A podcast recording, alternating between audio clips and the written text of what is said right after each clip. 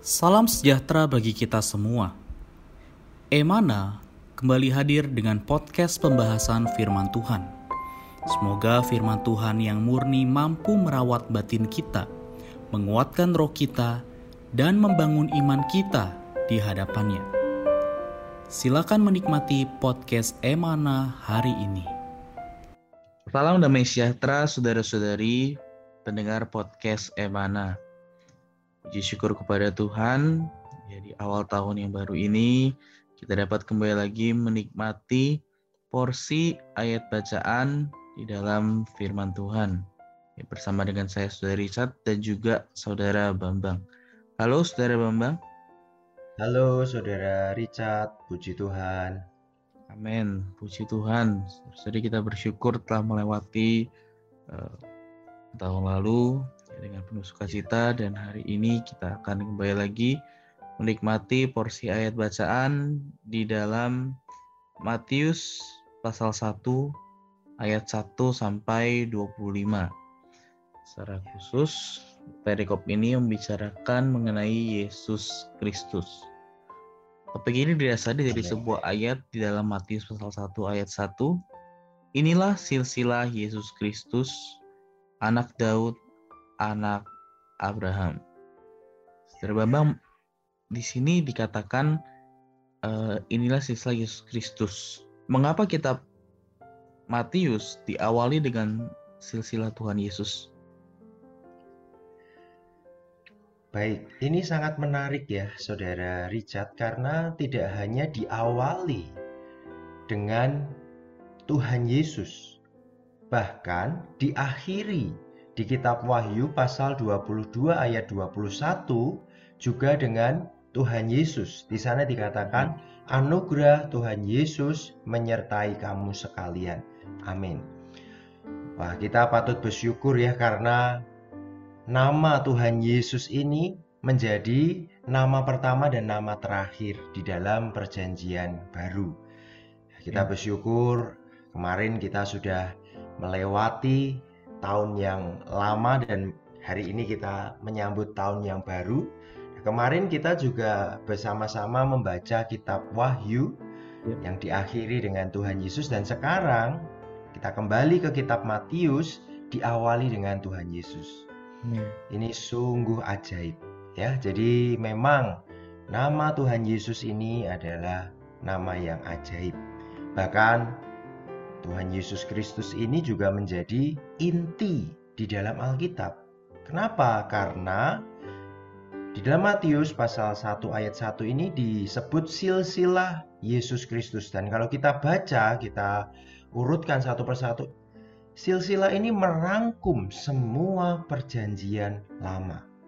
Ya. Jadi kita bisa melihat bahwa sebenarnya perjanjian lama memberi kita satu gambaran satu lambang, satu nubuat mengenai persona yang ajaib ini, yang akan datang ini. Dan kini di dalam perjanjian baru, persona ini datang. Siapa persona ini? Yesus Kristus.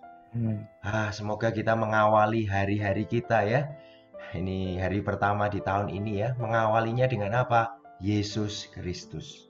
Amin. Puji Tuhan, Saudara Richard. Amin. Amin. Puji Tuhan. Terus-terus semoga kita mengawali hari kita, mengawali tahun ini dengan Yesus Kristus sebagai Amin. yang awal dan yang akhir.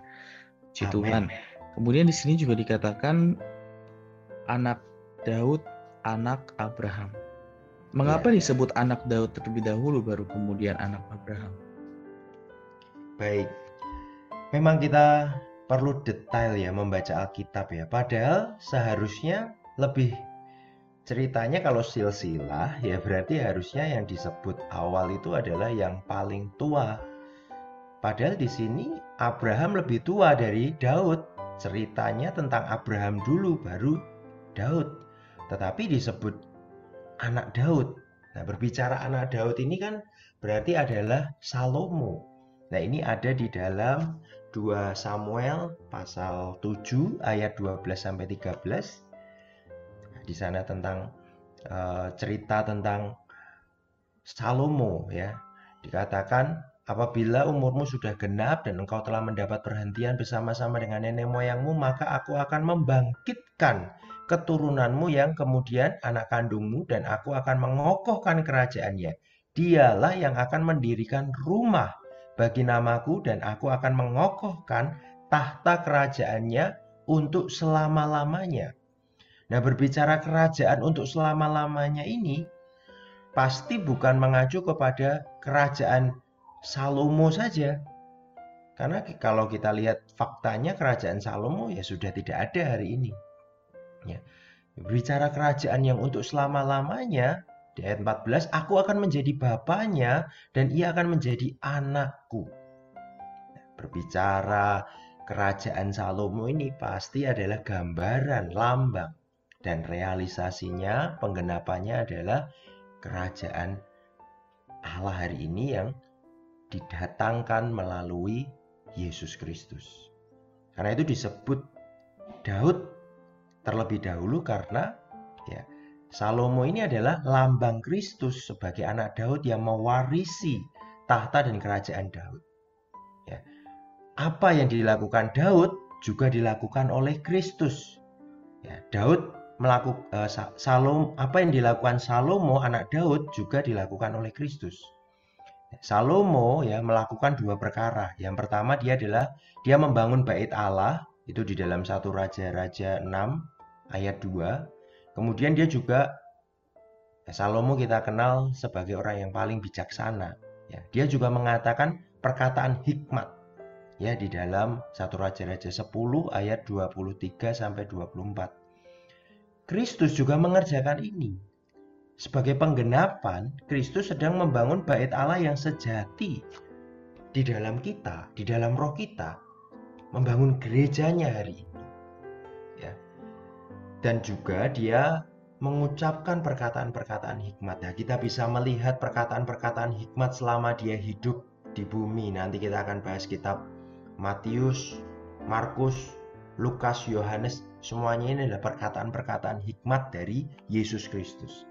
Jadi kita bisa melihat penggenapan dari anak Daud, Salomo, ini adalah Yesus. Baru kemudian berbicara anak Abraham. Berbicara anak Abraham ini berbicara uh, Yesus ini adalah orang uh, ras yang terpanggil. Jadi kerajaan Allah ini dibangun di atas ras Abraham di atas keturunan Abraham, keturunan iman. Ya, kerajaan Allah yang dibangun oleh Yesus adalah kerajaan iman. Ya, meliputi orang-orang Israel yang sejati. Itu di dalam Roma pasal 9 ayat 6 sampai 8 juga kaum beriman yang ada di dalam Kristus. Jadi kerajaan yang dibangun oleh Yesus Kristus hari ini, anak Daud, adalah ras terpanggil, anak Abraham. Nah, ini ada di dalam Galatia pasal 3 ayat 7, ayat 9 dan juga ayat 29. Jadi sangat menarik ketika kita membahas Yesus Kristus disebut dahulu sebagai anak Daud, berbicara dia sebagai raja. Kemudian berbicara sebagai anak Abraham, berarti dia berbicara sebagai ras yang terpanggil. Ya, anak Abraham, anak dari uh, bapa beriman ya kan Abraham adalah bapak orang beriman. Berarti hari ini ya kita juga adalah ras terpanggil itu. Ya, kita juga adalah keturunan-keturunan Abraham. Karena kita percaya kepada Yesus dan kita juga bisa berbagian di dalam kerajaannya.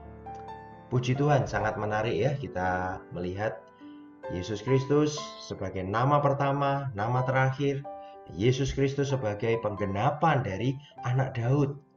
Ya, berarti dia adalah raja, dia juga penggenapan dari anak Abraham, anak iman, ras terpanggil.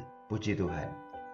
Amin. Ya, puji Tuhan ya atas ya, satu gambaran ini bahwa ya, Yesus Kristus ya adalah anak Daud, ya anak Abraham.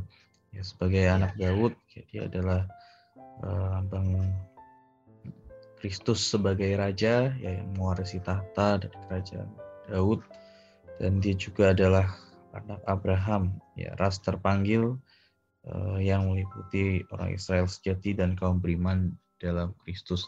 Ya, puji Tuhan, dengan demikian kita dapat menikmati Kristus dengan begitu uh, limpah. Limpah betul, amin. Puji Tuhan.